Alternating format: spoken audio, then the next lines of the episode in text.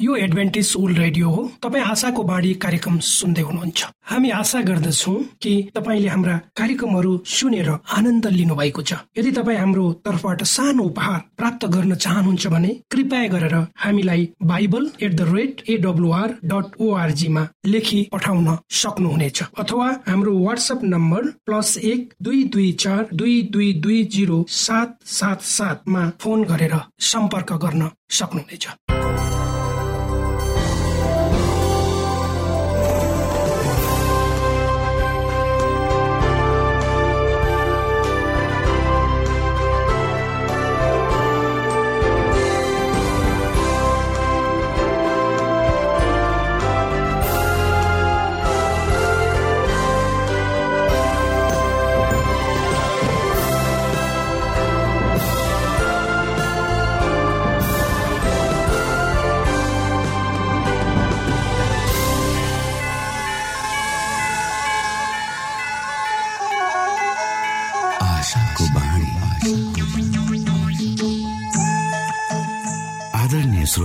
नमस्कार। यो समय तपाईँ एडभेन्टिस्ट ओल्ड रेडियोको प्रस्तुति भोइस अफ हो। आशाको बाणी कार्यक्रम सुन्दै हुनुहुन्छ। कार्यक्रम प्रस्तुता म रवि यो समय तपाईँको साथमा छु। बाइबलले भन्दछ सारा भूमण्डल आकाश मण्डलको सृष्टिकर्ता परमेश्वर साँच्चै अचम्मको परमेश्वर हुनुहुन्छ। के तपाईँलाई थाहा छ? यस्तो सारा जगतको अधिपत्य परमेश्वर मानिस जातिले बुबा भनी बोलाएको रुचाउनुहुन्छ? परमेश्वर बादल पारिरहने केही डरलाग्दो न्यायकर्ता होइन। तर हामी हरेकको निम्ति आमा बुबा जस्तै नजिकको आत्मीय सम्बन्धमा रहने परमेश्वर हुनुहुन्छ। यस्तो प्रेमी र परमेश्वरको विषयमा धेरै भन्दा धेरै जानकारी लिएर आफ्नो जीवनको बाँच्नुको उद्देश्यलाई बुझ्न सक्नुहुनेछ। जीवनको अर्थ बुझ्नु हाम्रो उत्तरदायित्व हो। आशाको बाणी कार्यक्रमले यी गहन कुराहरू बुझ्न तपाईँलाई मदत गर्दछ। आउनुहोस् हामी तपाईँलाई हाम्रो कार्यक्रममा स्वागत गर्दछौ। सुरुमा हामी मधुर क्रिस्टीय भजन सुन्नेछौ।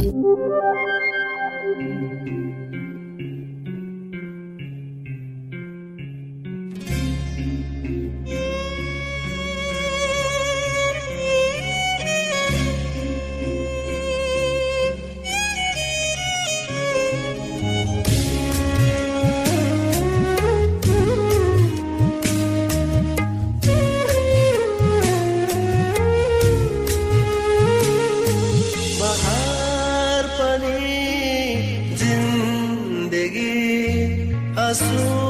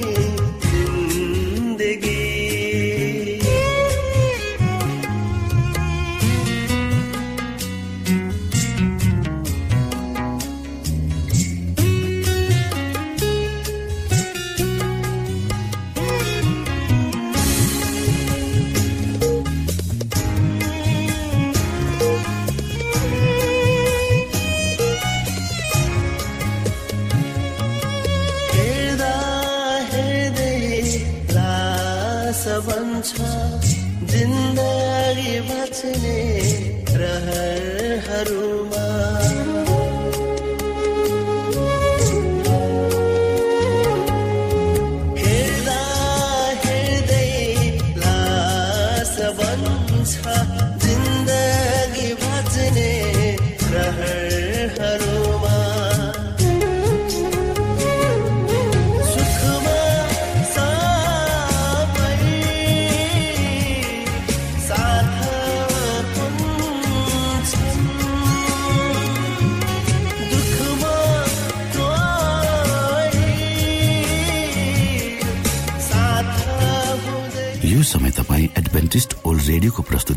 भोइस अफ होप आशाको बाणी कार्यक्रम सुन्दै हुनुहुन्छ।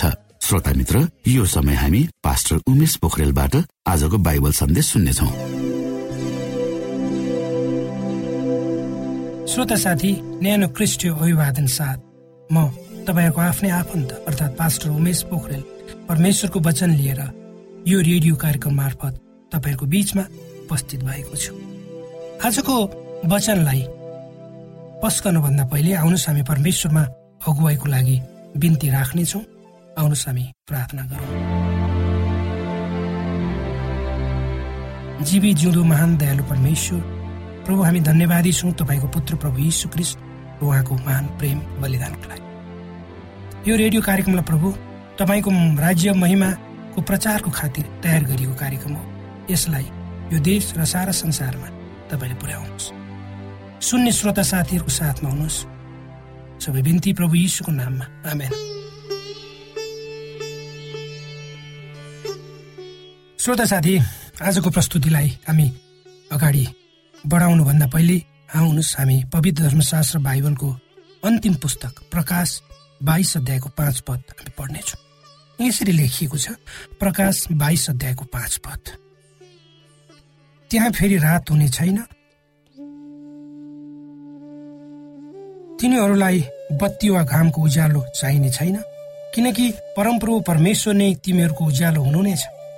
तिनीहरूले सदा सर्वदा राज्य गर्नेछन्। श्रोत साथी रातहरू जहाँ उज्यालो हुँदै अर्थात् प्राकृतिक उज्यालो भन्नुहोस् जहाँ मानिसहरूले विश्राम लिन्छन् आफ्नो परिश्रमबाट। भनिन्छ रात हाम्रो होइन यो त अर्कैको हो। रातमा यदि हामी कतै जान्छौँ केही गर्छौँ भने होसियारी रहनुपर्छ। रातको सुरुवातमा हावा प्रदूषित भएको हुन्छ। बिरामीहरूको लागि रात लामो र कष्टपूर्ण र हताशको हुन सक्छ। हामी सबैको निम्ति रात अन्धकारमय अस्पष्ट खतराले भरिएको हुन्छ। रातमा हाम्रो शरीरको प्रक्रिया सुस्त हुन्छ। र यसले कम मात्रामा प्रभावकारी एवं उत्पादकमूलक कार्य गर्दछ। रातमा हामी अर्को बिहानको तातो चम्किलो सूर्यको किरणको प्रतीक्षामा हुन्छौँ। जब सूर्य उदाउँछ त्यसका किरणहरूले हाम्रो मुख मुहारमा खुसी ल्याउँछन् र हाम्रो दिमागलाई सन्तुलित गर्दछन्। हो श्रोत साथी रात अस्पष्ट हुन्छ खतराले भरिएको हुन्छ। जब हामी सुत्न जान्छौँ निन्द्रा हुन्छ। र त्यसपछि के हुन्छ हामीलाई थाहा हुँदैन। र मेरो आफ्नै जीवनमा मैले भोगेको घटना छ। मेरा दुईटा नानीहरू छन्। एउटा छोरो बाह्र वर्षको छ ठुलो र सानो साढे दुई वर्षको। जब मेरा यी नानीहरू बिरामी हुन्छन् रातमा ज्वरो आउँछ। यिनीहरूलाई अरू कुनै समस्या हुन्छ पेट दुख्छ। तब म र मेरो श्रीमती निधाउँदैनौँ र हामी हाम्रा नानीहरूको छेउमै बसेर हामी प्रार्थना गर्छौँ। र भन्छौँ प्रभु मेरो नानीहरूलाई निको बनाउनुहोस् र हामी व्यग्र रूपमा यो रात छिटै बितोस् भनेर प्रतीक्षा गर्छौँ। किनकि बिहान हुनसाथ आफ्ना नानीहरूलाई हामी डक्टरकामा लगेर देखाउन सक्छौँ भन्ने हामीमा विश्वास हुन्छ। यो घटना मेरो आफ्नै जीवनमा हामीले अनुभव गरेका छौँ श्रोता। पवित्र धर्मशास्त्र बाइबलको प्रकाश बाइस अध्यायको पाँच पदमा लेखिएको छ जुन मैले पहिले पनि पढेँ श्रोता। त्यहाँ फेरि राहत हुने छैन। तिनीहरूलाई बत्ती वा घामको उज्यालो चाहिने छैन। किनकि परमप्रभु परमेश्वर नै तिनीहरूको उज्यालो हुनुहुनेछ। तिनीहरूले सधैँ सदा सर्वदै राज्य गर्नेछन्।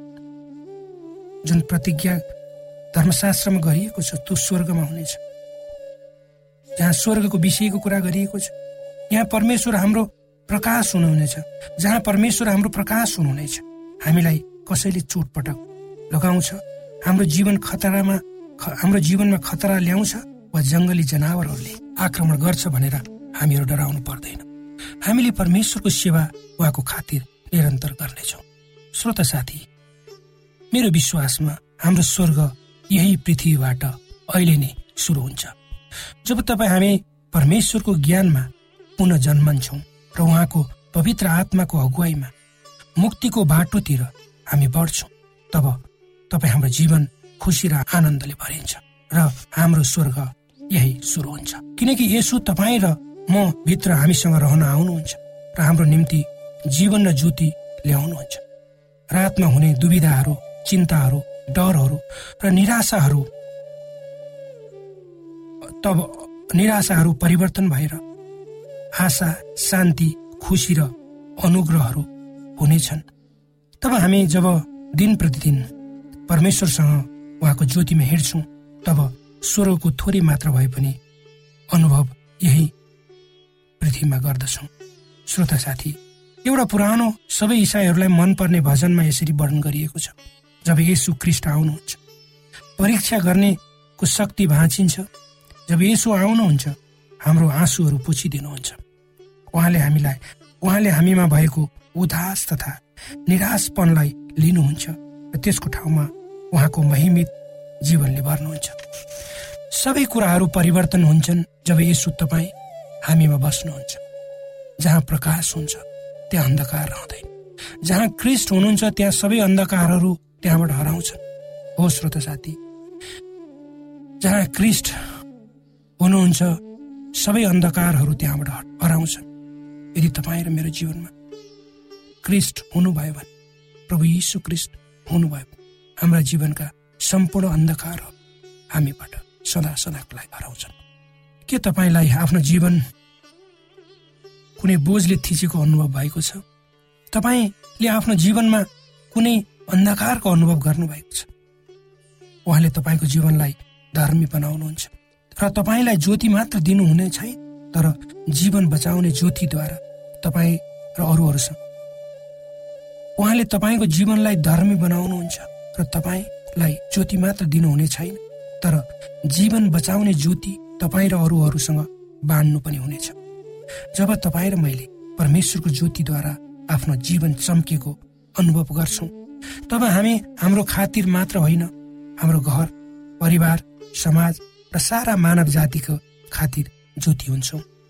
हाम्रो बोली वचन व्यवहार खानपिन उठाइ बसाई सबैले परमेश्वरको ज्योतिलाई प्रकट गर्दछन् जसबाट परमेश्वरको प्रेमलाई मानिसहरूले अनुभव गर्न थाल्दछन्। आज धेरै मानिसहरू ती हाम्रा आफ्नै आफन्तहरू साथीभाइहरू छरछिमेकीहरूलाई परमेश्वरको ज्योतिको खाँचो छ।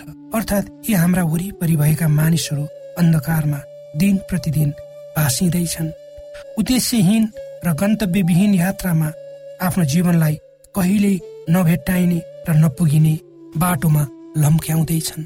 यी आत्माहरूलाई परमेश्वरको ज्योतिको अगुवाईको खाँचो छ र त्यो अगुवाई गर्ने माध्यम तपाईँ हामी हुन सक्छौँ। प्रभु यीशुले भन्नुभएको छ संसारको ज्योति म नै हुँ। मलाई अपछ्याउनेले अन्धकारमा हिडडुल गर्नु पर्दैन। हो श्रोत साथी प्रभु यीशु ज्योति हुनुहुन्छ। जस जसले उहाँको ज्योतिलाई ग्रहण गर्छ त्यो त बल्छ नै र त्यसको प्रकाशको किरणहरूद्वारा अन्धकारमा भएका धेरै मानिसहरूलाई ज्योतितर्फ डोर्याउँछ।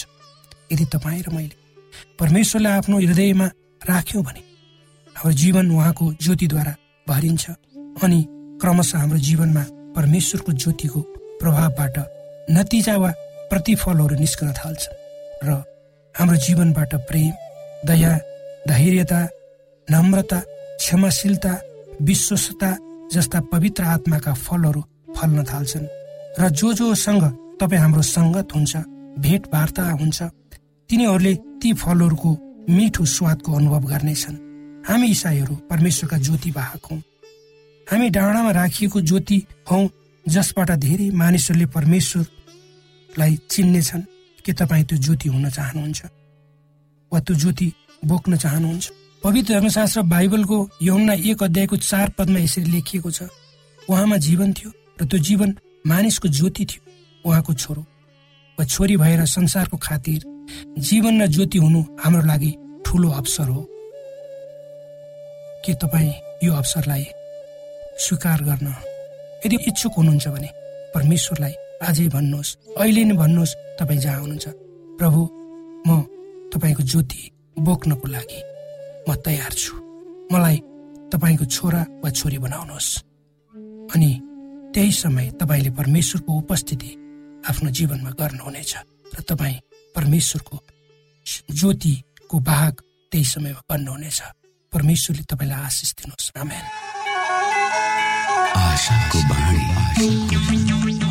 श्रोता भर्खरै यहाँले पास्टर उमेश पोखरेलबाट बाइबल वचन सुन्नुभयो। यो समय तपाईँ एडभेन्टिस्ट ओल्ड रेडियोको प्रस्तुति भोइस अफ होप आशाको बाणी कार्यक्रम सुन्दै हुनुहुन्छ। कार्यक्रम सुनेर बस्नुहुने सबै श्रोतालाई हामी हाम्रो कार्यक्रममा स्वागत गर्न चाहन्छौ।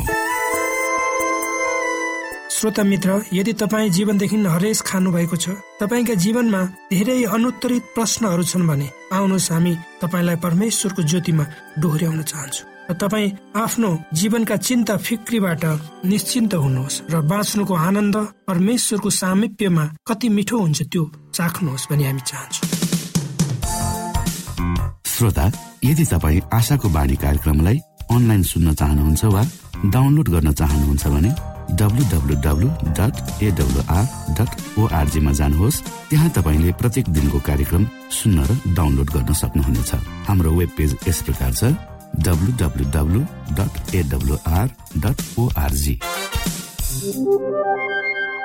श्रोता यदि तपाईँ हामीसित सिधै फोनमा सम्पर्क गर्न चाहनुहुन्छ भने हाम्रा नम्बरहरू यस प्रकार छन्। अन्ठानब्बे एकसाठी पचपन्न शून्य एक सय बिस। अन्ठानब्बे एकसाठी पचपन्न शून्य एक सय बिस। र अर्को अन्ठानब्बे अठार त्रिपन्न पन्चानब्बे पचपन्न। अन्ठानब्बे अठार त्रिपन्न पन्चानब्बे पचपन्न। यो आशाको बाणी रेडियो कार्यक्रम हो। म धनलाल राई यहाँहरूलाई यस कार्यक्रममा न्यानो स्वागत गर्दछु। आजको समसामयिक विषयको प्रस्तुतिमा उद्देश्य प्रेरित पुनर्जन्म देश देशभरका आत्मा परिवर्तनका कथाहरू प्रस्तुत छ। स्वीकार्नुहोस्। आजको कथा सावतमा काम गर्नुपर्ने सोफी बाउमा न्यू क्यालेडोनिया साउथ पेसिफिक श्रोता साउथ पेसिफिक क्षेत्रमा न्यू क्यालोडोनिया राज्य छ। त्यो फ्रान्स देशको नियन्त्रणमा छ। त्यस देशको सहरमा सन् दुई हजार सत्रको अक्टोबर महिनामा एकजना सेभन द एडभान्टेज चर्च पास्टरले सुसमाचारी कार्यक्रम गरेका थिए। त्यस कार्यक्रममा सोफी बौमा भन्ने एकजना महिलाले चौथो आज्ञा अनुसार शनिबारै साबत हो भनेर प्रचार गरेको सुनिन् र त्यसबाट प्रभावित भएर उनले साबतको सन्देशलाई स्वीकारिन्। तर उनले शनिबार आफ्नो नियमित काम छोडिनन्। उनी हप्ताको चार दिन वा मंगलबारदेखि शुक्रबारसम्म मारे भन्ने एउटा सानो टापुमा रहेको मेबुट गाउँको विशाल बजारमा काम गर्थिन्। उनको सलिन नाउ गरेकी अर्की सहकर्मीले अरू बाँकी तीन दिन त्यो बजार चलाउँथिन्। तर मौसम अनुसार घाम कि त पाँच कि त छ पैतालिसमा अस्त आउँथ्यो सोफीले बेलुका सात बजे शुक्रबार आफ्नो विशाल बजार बन्द गर्नु पर्दथ्यो। साबतको सन्देशलाई ग्रहण गरेपछि उनलाई के गरौँ के गरौँ भयो। शुक्रबार अबेरसम्म काम गर्न उनको मनले मानेनन्। तर काम पाउन गाह्रो भएकोले आफ्नो काम पनि छोड्न चाहेकी थिएनन् उनको तलबले सबै परिवारलाई धान्नु पर्थ्यो त्यसकारण समय तालिकामा हेरफेर होस् भनेर परमेश्वरसँग उनले प्रार्थना गरिन्। एक शुक्रबार बेलुका जब सोफी काम गर्दै थिइन् र सावतको बारेमा चिन्ता गर्दै थिइन् उनलाई उनकी सहकर्मी सालिनको फोन आयो। आफू न्यू क्यालेडोनियाको राजधानी नोमियामा भएको र हवाई जहाजको टिकट नपाएकोले त्यही अड्किएको उनले बताइन्। के तिमी भोलि शनिबार मेरो सट्टा काम गर्न सक्छौ? सालिनले सोफीलाई सोधिन्।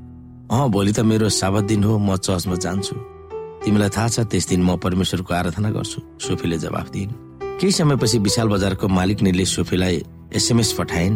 उनी पनि न्यू कालिकडोनियाको राजधानीमा थिइन्। तिमीले भोलि शनिबार भए पनि पसल खोल्नुपर्छ र काम गर्नै पर्छ। त्यस विशाल बजारको मालिकनीले आदेश दिइन् भोलि परमेश्वरको आराधना गर्ने मेरो दिन हो। त्यसकारण म विशाल बजार खोल्न सक्दिनँ।